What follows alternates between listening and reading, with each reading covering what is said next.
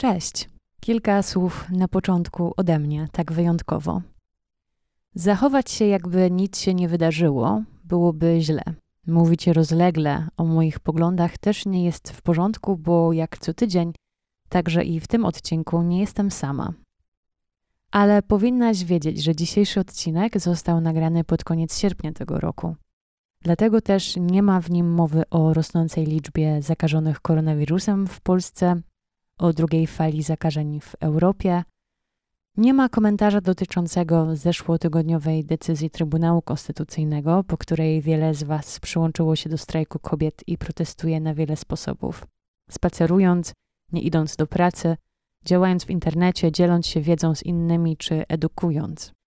Nie ma nic z tych rzeczy w tym odcinku, ale za to jest rozmowa z Anią, między innymi o aktywizmie, o wsparciu innych, zadbaniu o siebie i jak to jest ważne, aby faktycznie móc wspierać i pomagać innym. Od siebie powiem tylko, choć mogłabym tak wiele powiedzieć o swoich uczuciach, o poglądach, o przeżyciach i powstałby wtedy taki odcinek o mojej życiowej edukacji, tak do tej pory, jak to co tydzień z innymi dziewczynami. Ale powiem tylko: dbajcie o siebie, dziewczyny. O swoją psychikę w tych dniach, ale też o ciało. Nie zapomnijcie oddychać.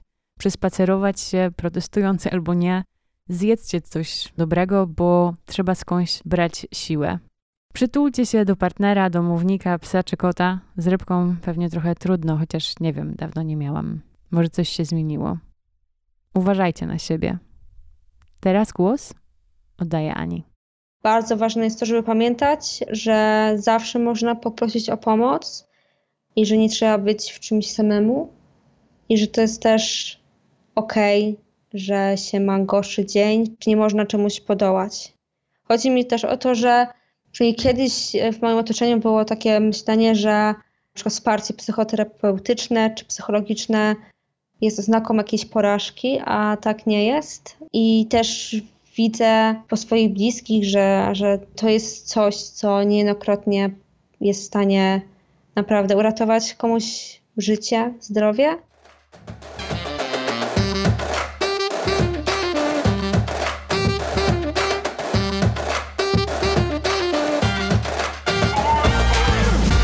Cześć, tu Ania. Zapraszam do Pracowni Dziewczyn. Pracownia Dziewczyn to cotygodniowe rozmowy z dziewczynami i kobietami na temat edukacji. Edukacji tej szkolnej, czasem akademickiej, a już na pewno tej życiowej. Dokąd miała zaprowadzić, a dokąd zaprowadziła. O wyborach, o porażkach, o pracy kobiet, z kobietami i nad sobą. Dzisiaj moim gościem jest prezeska Poznańskiego Stowarzyszenia Lepszy Świat, zajmującego się pomocą społeczną, edukacją i promocją wolontariatu. Jak można przeczytać na stronie organizacji, Lepszy Świat to grupa osób, dla których nie ma rzeczy niemożliwych.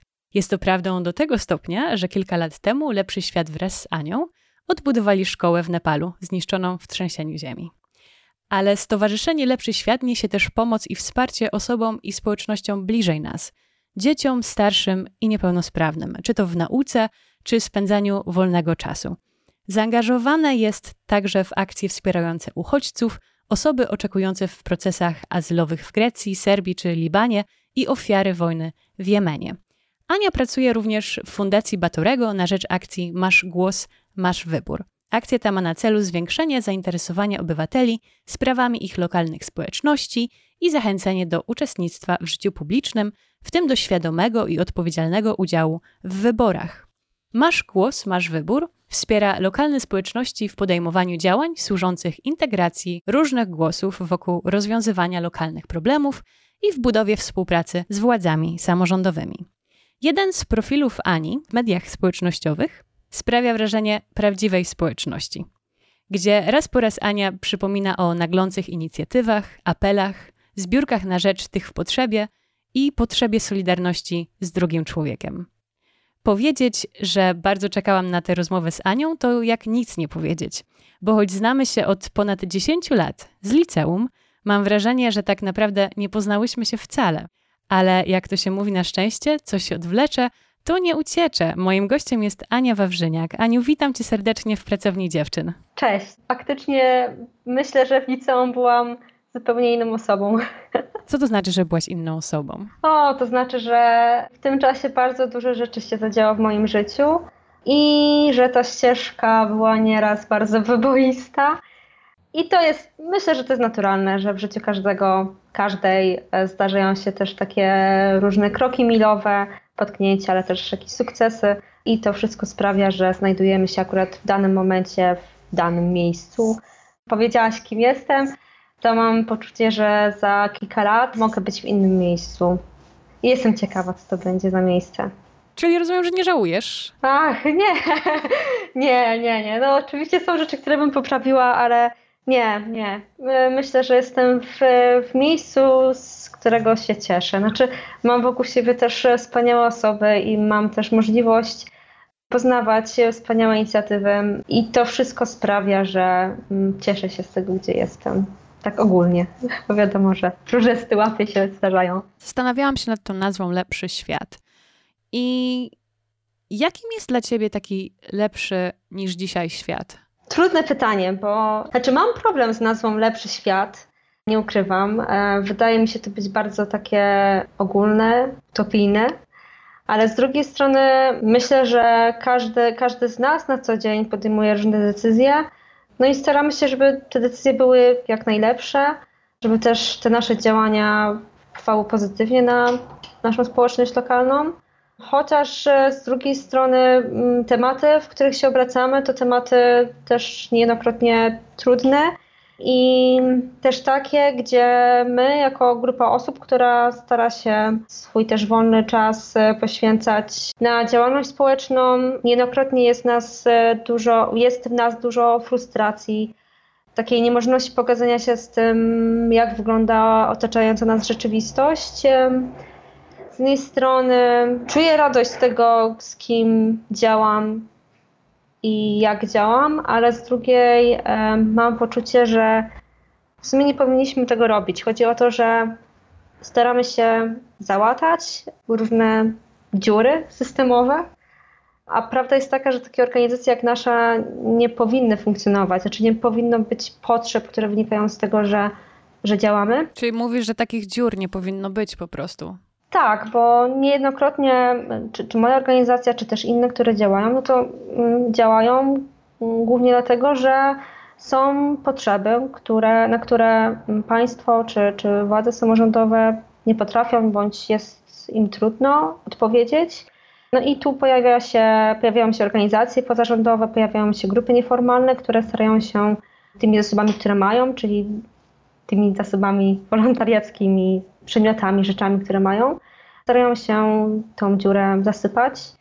I o ile mamy sytuacje kryzysowe, typu na przykład pandemia i, i mnóstwo różnych ciekawych inicjatyw w okresie pandemicznym, które były wspaniałe, to one nie rozwiążą problemów systemowych, e, stąd też ważny jest głos tych organizacji, inicjatyw, które starają się zmienić systemowo różne rzeczy i wpłynąć na, te, na to, co, co nas otacza. Powiedziałaś o tych frustracjach, i że, że jedna strona to oczywiście frustracja i jakaś, jakieś niezadowolenie.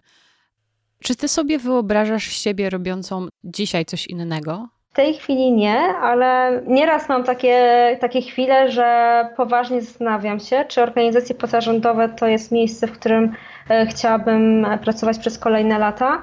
Tak, jest, jest dużo znaków zapytania, niemniej działam w organizacjach od, od 10 lat i ciężko mi sobie wyobrazić siebie poza.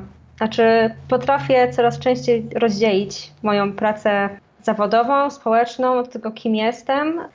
Myślę, że uczę się tego, żeby nie definiować siebie przez pryzmat rzeczy, które robię i dystansować się też od tego. Tak bardziej chodzi o taki zdrowy dystans ale z drugiej strony wiem, jak jest to ważny aspekt mojego życia i ciężko byłoby mi się z nim pożegnać. A ty pamiętasz, kim chciałaś być, jak byłaś taką małą Anią? Pamiętam, że takie dwa zawody były. Ja nie wiem w ogóle z czego mi się to wzięło, ale z jednej strony chciałam być panią, która buduje domy, a z drugiej strony panią, która sprząta. nie wiem, może z jednej strony zamiłowanie do porządkowania, ale takiego hmm, to, że jednak lubię mieć wokół siebie jakiś ład, porządek, a z drugiej strony lubię tworzyć nowe rzeczy. Może to jest coś takiego, co mnie co za tym stało. ale to jest o tyle ciekawe, że ja bardzo różnymi rzeczami się interesowałam jako dziecko i też przykładowo w gimnazjum byłam w klasie matematyczno-informatycznej, tą wylądowałam w klasie biologiczno-chemicznej, a z kolei studiowałam politologię, więc przechodziłam różne, różne etapy też e, rzeczy, które mnie pasjonowały i ostatecznie jednak te działania społeczne. Ale wiadomo, że tutaj przydają mi się kompetencje bardzo różnorodne. Etap e, szkoły podstawowej i gimnazjum to był etap, gdzie interesowałam się absolutnie wszystkim i byłam typem kujonki. Uwielbiałam, w ogóle uczestniczyłam w wielu konkursach, gdzieś tam miałam naprawdę dobre oceny. A jaki był twój stosunek do słowa kujon? Myślę, że w tamtym, w tamtym czasie odpowiadało mi to, że mm, właśnie jestem przywiązana do, do szkoły, że, że się bardzo dobrze odnajduję w tych wszystkich strukturach, ale z perspektywy czasu widzę, jak, e, jak dużym błędem to było, że, że faktycznie w ogóle mm, ten system e, szkolny jest e, tak zbudowany, że okej, okay, w tamtym momencie się w to wpisywałam, ale tak długofalowo i też patrząc na to, e, z jakimi osobami działam, to są osoby, z którymi bardzo często bym się w ogóle nie zakomplowała, jak, jak byłam dzieckiem. E, I że, I że to, że tak bardzo dążyłam do tych ocen, to wynikało no, z wielu różnych rzeczy, które sobie gdzieś tam uświadomiłam dopiero później. Że właśnie czegoś, czegoś tam w tym moim życiu wtedy brakowało, czegoś brakowało i, i, i stąd też ciężko było mi się przed określić, co, bardziej, co lubię bardziej, co lubię mniej, bo gdzieś tam wydaje mi się, że też w sobie zagłuszałam różne swoje potrzeby i e, stąd e, ciężko było mi się, wiesz, doprecyzować, w, którym, e, w których przymiotach jestem lepsza, co sprawia mi większą frajdę. Stąd ten okres licealny był takim okresem, gdzie się mocno zderzyłam z rzeczywistością i się okazało, że no nie, już tak dobrze nie idzie, już, już za bardzo się na tych ocenach nie można, nie można na nich budować swojej pewności siebie. I też, że już masz na tyle duży poziom skonkretyzowanej wiedzy i też e, już bardziej takiej szczegółowej, że ni niestety, jeśli tego nie lubisz, to ciężko przez to przebrnąć. I faktycznie liceum to był okres, w którym zaczęłam szukać e, trochę miejsca dla siebie i na szczęście podjęłam dosyć duże ryzyko, znaczy ryzyko, trochę też nie miałam wyjścia, że, że faktycznie tej matury przygotowywałam się już zupełnie z innych przedmiotów e, niż przedmioty, które miałam rozszerzone. Także i zdawałam rozszerzoną historię i WOS i język polski. Musiałam się do nich w sumie sama przygotowywać, co było koszmarnym wyzwaniem, przez które przeszłam e, Jej. zwycięsko.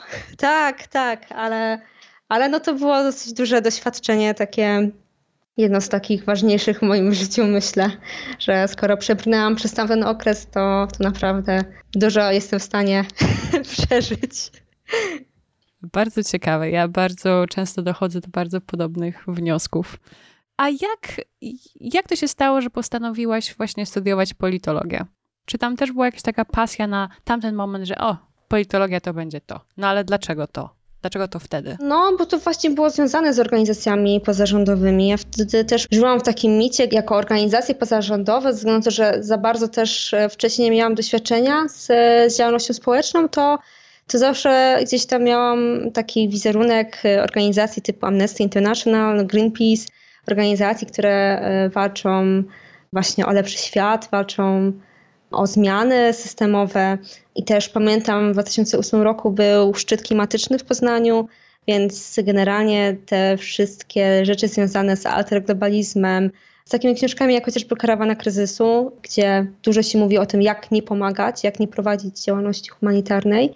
To są rzeczy, które dosyć mocno na mnie wpłynęły te rzeczy, które sprawiły, że bardzo chciałam w tym dalej działać, że z jednej strony chciałam działać wolontariacko, ale też zaczęłam myśleć o tym, że może w przyszłości to jest miejsce dla mnie pod kątem takim zawodowym. Politologia wydawała mi się, znaczy jest takim kierunkiem, który potrafi do tego przygotować.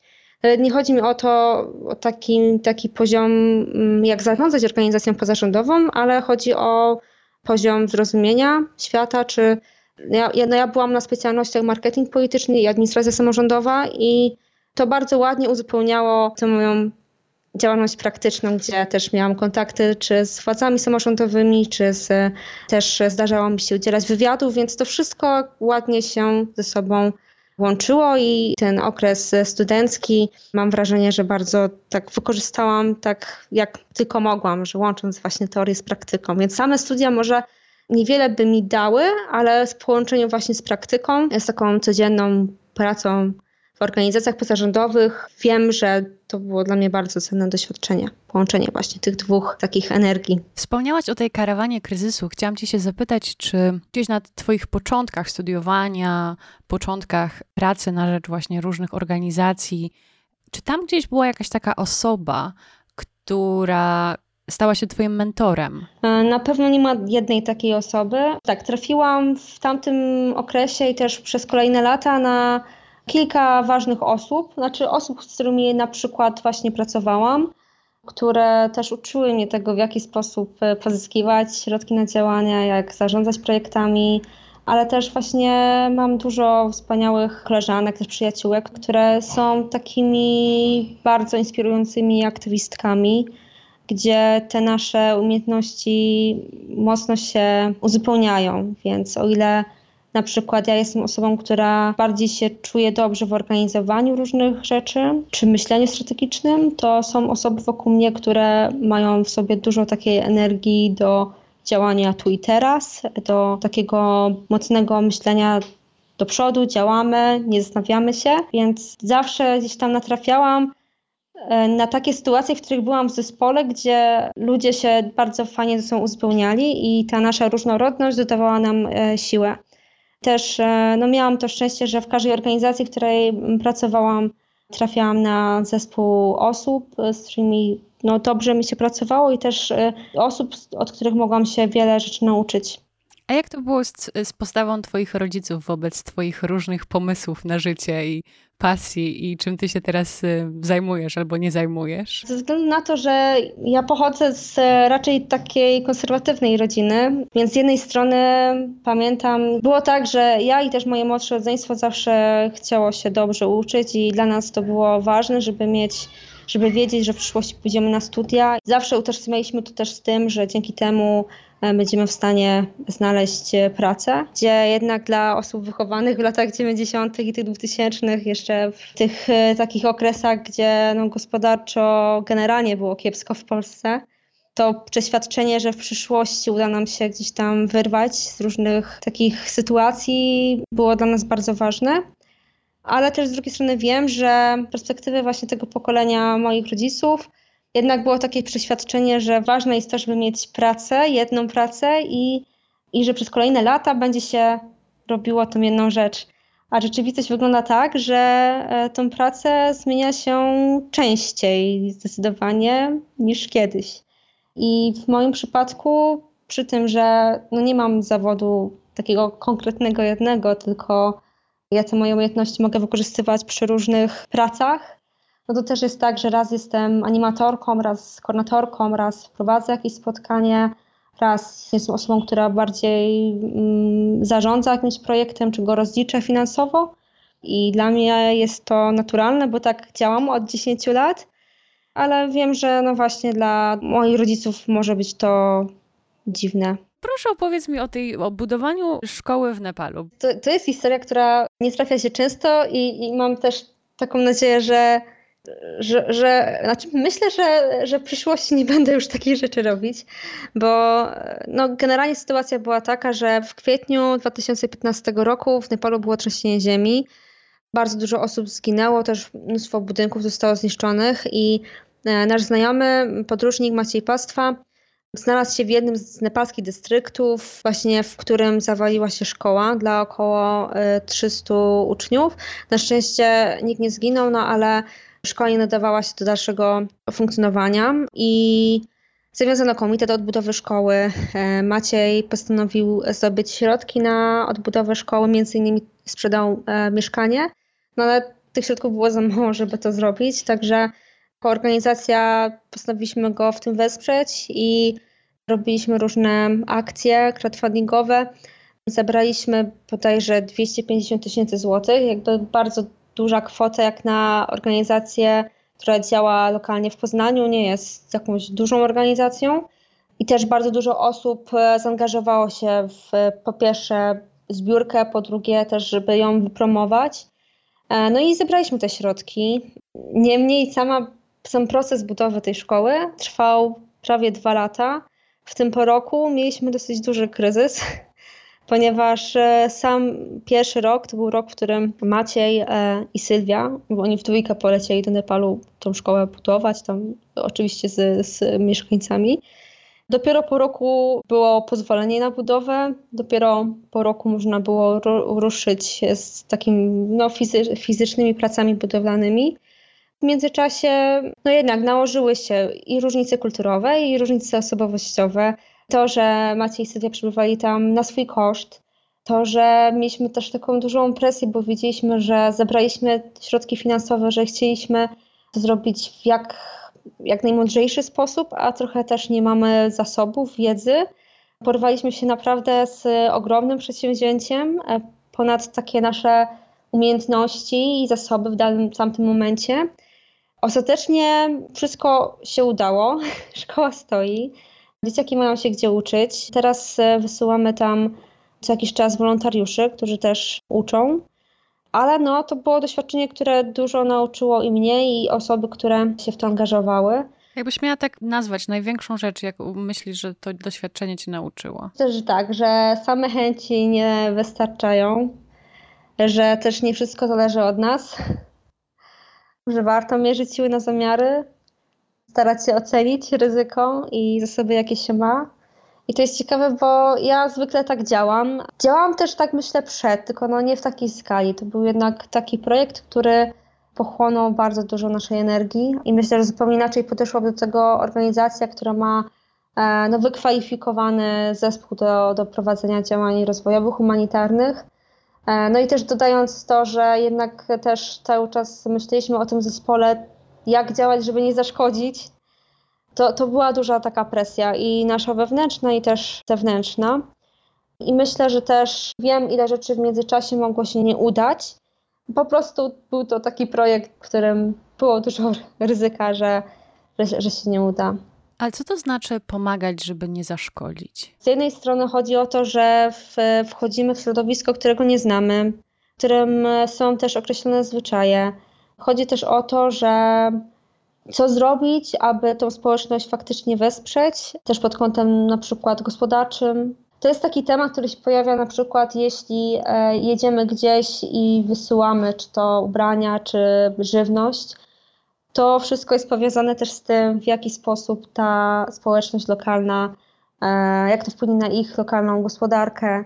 Też e, przykładowo, na ile my jedziemy gdzieś w jakiś, jakiś obszar, na ile pomagamy, na ile przeszkadzamy. W sensie też na przykład, czy przekazujemy wiedzę, też dostosowaną do warunków, w których jesteśmy, czy to jest na tej zasadzie, że ktoś jedzie, robi co uważa za stosowne czy, czy właściwe i wyjeżdża. No jest, jest to szeroki temat, ale myślę, że i też trudny, że często jest tak, że mamy chęci, chcemy pomóc, ale więcej byśmy robili nie robiąc. To właśnie to jakie cechy powinien w sobie wykształcić wolontariusz albo osoba, która by chciała być wolontariuszem takim niosącym wsparcie skutecznie? Tak, ze względu na to, że też w Poznaniu robimy wolontariat, prowadzimy wolontariat, który polega na właśnie wspieraniu w edukacji, pomaganiu w odrabianiu lekcji, korepetycji, no to myślę, że z tej perspektywy ważne jest to, żeby taka osoba, która jest wolontariuszem, żeby no właśnie, była ciekawa świata, żeby miała chęć podzielenia się swoją wiedzą, ale też e, chęć zrozumienia tej osoby, której pomaga. Ale też ważne jest, żeby umieć wyznaczyć sobie granice, być świadomym tego, że, że wolontariat jest dobrowolny, że to jest twój czas, twoje umiejętności i że te granice są ważne. Bo z jednej strony empatia bardzo ci w tym pomoże, ale z drugiej strony też, żeby pomagać innym, trzeba mieć w sobie wystarczające wystarczającą siłę i też e, być w takim momencie życia, w którym możemy ten swój czas, umiejętności poświęcić, znaczy poświęcić, podzielić się nimi z, z kimś innym. Ja e, zawsze gdzieś tam, znaczy szczególnie w ostatnim roku dosyć dużo o tym myślałam, jak to jest z tym, że działamy społecznie, i z jednej strony właśnie dajemy z siebie jak najwięcej, a z drugiej strony się okazuje, że to nie jest zbyt mądre posunięcie. Gdzieś też wyczytałam, że właśnie to dbanie o siebie jest takim instynktem samozachowawczym, że to jest taka czynność rewolucyjna, bo dzięki temu jesteśmy w stanie też działać, tak, że zaopiekowanie się sobą to jest już dużo, że warto zaczynać od siebie. A ty tak umiesz? Mi dużo dało to, jak dotarło do mnie, że nie jestem osobą niezastąpioną. Znaczy to jest paradoksalne, bo e, właśnie w zeszłym roku dosyć mocno odpuściłam. Też bardzo ograniczyłam swoją działalność w organizacjach e, pozarządowych i po pierwsze jakoś tak zaczęłam uczyć się tego, żeby sobie wybaczać, co jest jakimś takim... Nie, nie sądziłam, że, że jest to tak ważne, że właśnie to moje dążenie do perfekcjonizmu e, jest mocno zgubne. To uważałaś tyle rzeczy za porażki, albo tak się goniłaś za różne potknięcia? Mm, tak, tak. Znaczy, mm, dla mnie porażka czy coś, co się nie udało, zwykle szukałam w tym też jakiejś swojej winy. A bywa z tym różnie, bo są rzeczy, na które mamy wpływ, a są rzeczy, na które wpływu nie mamy jeśli chodzi o porażki, znaczy to jest rzecz, z której się można dużo rzeczy nauczyć. I o ile kiedyś mocno robiłam wszystko, żeby, żeby właśnie tych porażek w moim życiu nie było, no to oczywiście, jak w każdym życiu, one się pojawiają i są też taką naturalną częścią tego, że skoro działasz, to są rzeczy, które wychodzą i są rzeczy, które nie wychodzą. No i jest to naturalne. I też, jeżeli działasz w jakiejś inicjatywie, no to, to też jest naturalne, że na przykład po kilku miesiącach czy po kilku latach dynamika pracy w tej grupie się też zmieni, że, że też mamy różne etapy w tym i też e, to, że dana inicjatywa się rozwiąże, to jest to coś ok, jakby, że nie, nie ma co na siłę trzymać pewnych rzeczy w garści, że warto odpuścić i, i myślę, że to jest rzecz, którą jakoś tak mocno w zeszłym roku w sobie przerobiłam i zaakceptowałam. Znaczy mam na pewno teraz większe pokłady takiej akceptacji rzeczy, na które, na, na które nie mam wpływu. A z czego jesteś dumna? Cieszę się, że, że mimo tego e, tych różnych przeciwności, które nas spotykają, że, że mamy w sobie siłę, żeby działać, ale też e, mam takie poczucie, że też e, buduję swoją pewność siebie, czy opieram siebie nie tylko już na tej pracy społecznej, tylko też na różnych innych aspektach mojego życia. Dzięki temu, że działam społecznie, no poznałam wiele wspaniałych osób i to jakoś mocno doceniam, że mam wspaniałych przyjaciół i że no, staramy się wspierać, niezależnie od tego, co się dzieje. A patrzysz jakoś inaczej na, jakąś tak, na jakieś takie lekcje czy naukę płynącą od swoich rodziców z biegiem czasu? Ja mam takie poczucie, że u mnie że to, to czego się nauczyłam w domu, to była jednak e, ciężka praca. I wydaje mi się, że raczej staram się teraz od tego odchodzić, że, że o ile bardzo długo goniłam za różnymi rzeczami, to właśnie uczę się odpuszczania. Więc paradoksalnie trochę staram się w drugą stronę do tego podejść, że, że właśnie sporo, znaczy sporo zabrakło i to w edukacji formalnej, czy też osób, które by mi pewne rzeczy wyjaśniły na, na którymś etapie edukacji. I to są rzeczy, do których gdzieś tam trzeba po prostu dojść. I to nie jest rzecz, która. Znaczy, też czuję, że jestem na. że to jest któryś etap, że jeszcze przede mną ileś różnych i porażek, i rzeczy, które, z których będę się cieszyć, i że mam wrażenie, że jestem na jakiejś ścieżce, że, że to nie jest gdzieś tam jakiś cel, do którego doszłam, że, że to jest, że jest gdzieś coś dalej. Jest jakaś taka rzecz, właśnie żałujesz, że cię tego szkoła nie nauczyła tak formalnie, a życie cię musiało nauczyć może taką ciężką ręką? No właśnie, formalna edukacja absolutnie nie, nie nauczyła mnie czego? Krytycznego myślenia, właśnie takiej pracy w grupie, ale takiej, żeby faktycznie doceniać to, że możesz się wymienić umiejętnościami z osobami w tym zespole. Tego jakoś nigdy nie było. Co jeszcze? Tak generalnie, no to czego mi brakuje w edukacji, to tego, że nie uczymy się też, nie ma czegoś takiego jak nauki właśnie weryfikowania informacji, czy w ogóle przygotowywania się na przyszłe wyzwania, też globalne, typu właśnie zmiany klimatyczne, migracje. O tym przynajmniej u mnie się nie uczono i też e, no raczej pod tym kątem się wiele nie zmieniło. Też zawsze gdzieś tam uważam, że wiedza o społeczeństwie czy edukacja seksualna to są takie rzeczy, których powinno być więcej, powinny być prowadzone w sposób tak, no, merytoryczny. No, powiedziałaś o tej wiedzy o społeczeństwie i działasz na rzecz akcji Masz Głos, Masz Wybór Fundacji Batorego. Jaka nauka płynie do ciebie z tej akcji o obywatelach, współobywatelach Polski? Czy o ludziach po prostu, z którymi masz styczność? Czy to z jakichś społeczności lokalnych, czy to z lokalnych władz? Czego się uczysz tam? Tego, że to w całej Polsce jest mnóstwo fantastycznych inicjatyw i okazuje się, że wszędzie zmagamy się z podobnymi wyzwaniami i trudnościami właśnie w relacji władze samorządowe czy, czy centralne, chociaż w naszym przypadku, w, w przypadku akcji, w której działam, no to jest, są to władze samorządowe, na tym styku władze, mieszkańcy, ale to też jest tak, że to, co my robimy w akcji, to zachęcamy do tego, żeby starać się współpracować e, z władzami lokalnymi, o ile jest to tylko możliwe. Właśnie jest mnóstwo inicjatyw, które i to młodzieżowych, i to senioralnych, e, które działają w ramach na przykład różnych ciał takich doradczych, gminne rady senioralne, młodzieżowe. E, mamy też sporo inicjatyw w ramach czy to Funduszu Sołeckiego, czy budżetu obywatelskiego. To jest tak, że tych, tych takich narzędzi, w ramach których można działać, jest bardzo dużo, ale też nieraz e, stykamy się z tym, że są konflikty lokalne, że ta współpraca nie przebiega zbyt dobrze, mm, że na przykład mamy inicjatywy, które starają się przeciwdziałać wycinkom drzew, a w fundacji to jest też tak, że te wszystkie rzeczy, które się dzieją, czy to sytuacja w Polsce, czy na świecie, że to wszystko ma dosyć duży, taki realny wpływ na tą naszą pracę i też na odwrót, że Staramy się obserwować, też komentować obecną sytuację i wspierać, wspierać właśnie inicjatywy społeczne. To jest przykładowo realizujemy coś takiego jak Fundusz Solidarnościowy i wspieramy inicjatywy organizacji, które w wyniku pandemii też dosyć mocno ucierpiały i, i potrzebują wsparcia finansowego.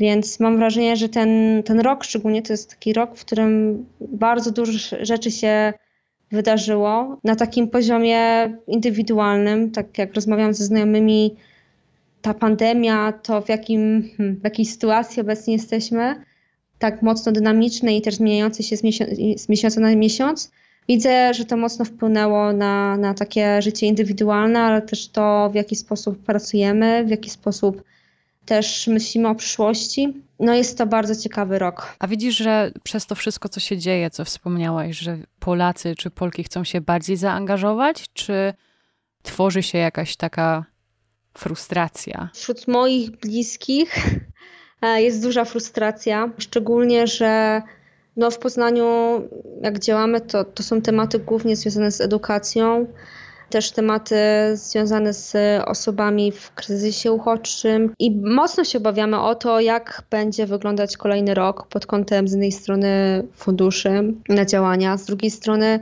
też e, jako Stowarzyszenie Lepszy Świat od marca mamy siedzibę wraz z dwiema organizacjami w Poznaniu i akurat w którym wybuchła pandemia, mieliśmy plany i to wszystko zostało to wszystko musieliśmy dostosować do obecnej sytuacji.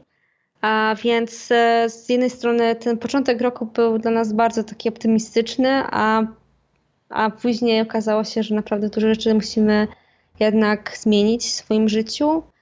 To też jest tak naprawdę ciekawe z przyszłości, jak, jak podobne kryzysy będą wpływać na nas. Jestem ciekawa, jak to nas też zmienia i jak w przyszłości będziemy reagować na podobne rzeczy. Co byś poradziła dziewczynom, które myślą o zaangażowaniu się, czy to na rzecz wolontariatu, czy pracy w jakiejś organizacji, czy stowarzyszeniu? To na pewno rób to, idź w to, ale no właśnie, warto zadbać o siebie i też um, nauczyć się właśnie żyć rzeczami, na które, które nie zależą od siebie. I to nie chodzi o to, żeby żeby nie starać się zmieniać rzeczywistości wokół siebie, ale, ale o to, żeby też akceptować to, że nie wszystko jesteśmy w stanie zrobić. Może potrzebujemy podejść do tego w inny sposób.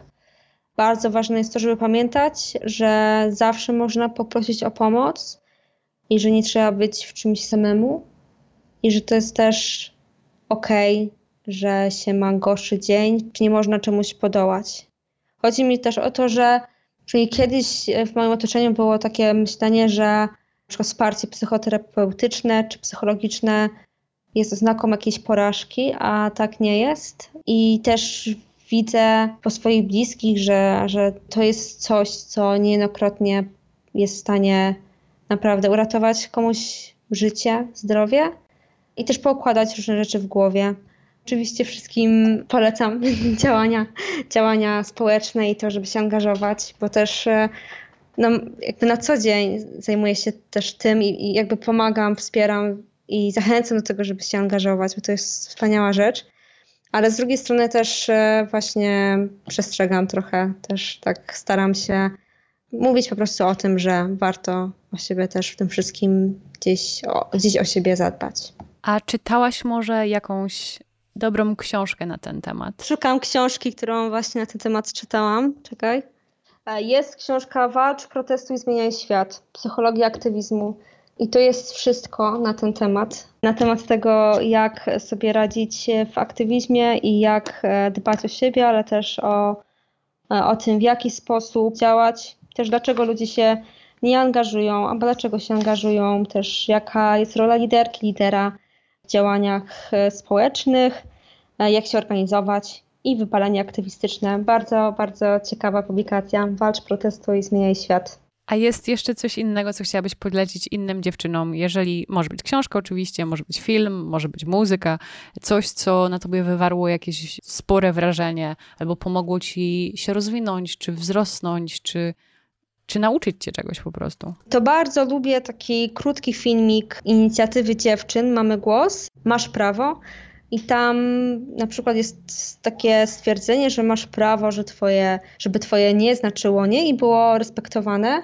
Bardzo polecam ten filmik. E, mogę Ci podesłać link do, do niego. Bardzo chętnie. Co jeszcze? Wiem, że jest bardzo ciekawe czasopismo dla dziewczynek. Nazywa się Kosmos dla dziewczynek. Właśnie o tym, w jaki sposób rozwijać swoje zainteresowania i pasje. Też bardzo lubię słuchać, oglądać na YouTubie kanału Kasi Gandor. To już gdzieś tam bardziej z pogranicza naukowych tematów, ale robi to naprawdę w cudowny sposób. Czego Ci życzyć na koniec? Teraz mam taki etap w życiu, że e, potrzebowałabym takiego kopa do przodu. Dobrze. Aniu, serdecznie Ci dziękuję. Dzięki. Więcej o Stowarzyszeniu Lepszy Świat i pracy Ani możecie przeczytać na lepszyświat.org.pl, a o akcji Masz Głos, Masz Wybór Fundacji Batorego na batory.org.pl i ja oczywiście zachęcam do wsparcia tych inicjatyw, o których Ania mówiła i w które jest zaangażowana. A do Pracowni Dziewczyn możecie wstąpić zawsze przez konto na Instagramie Pracownia Dziewczyn pod, pod, czyli podcast w skrócie, a także przez wszystkie platformy podcastowe Spotify, Apple Podcast, Google Podcast i wiele, wiele innych. Kolejny odcinek w czwartek. Do usłyszenia.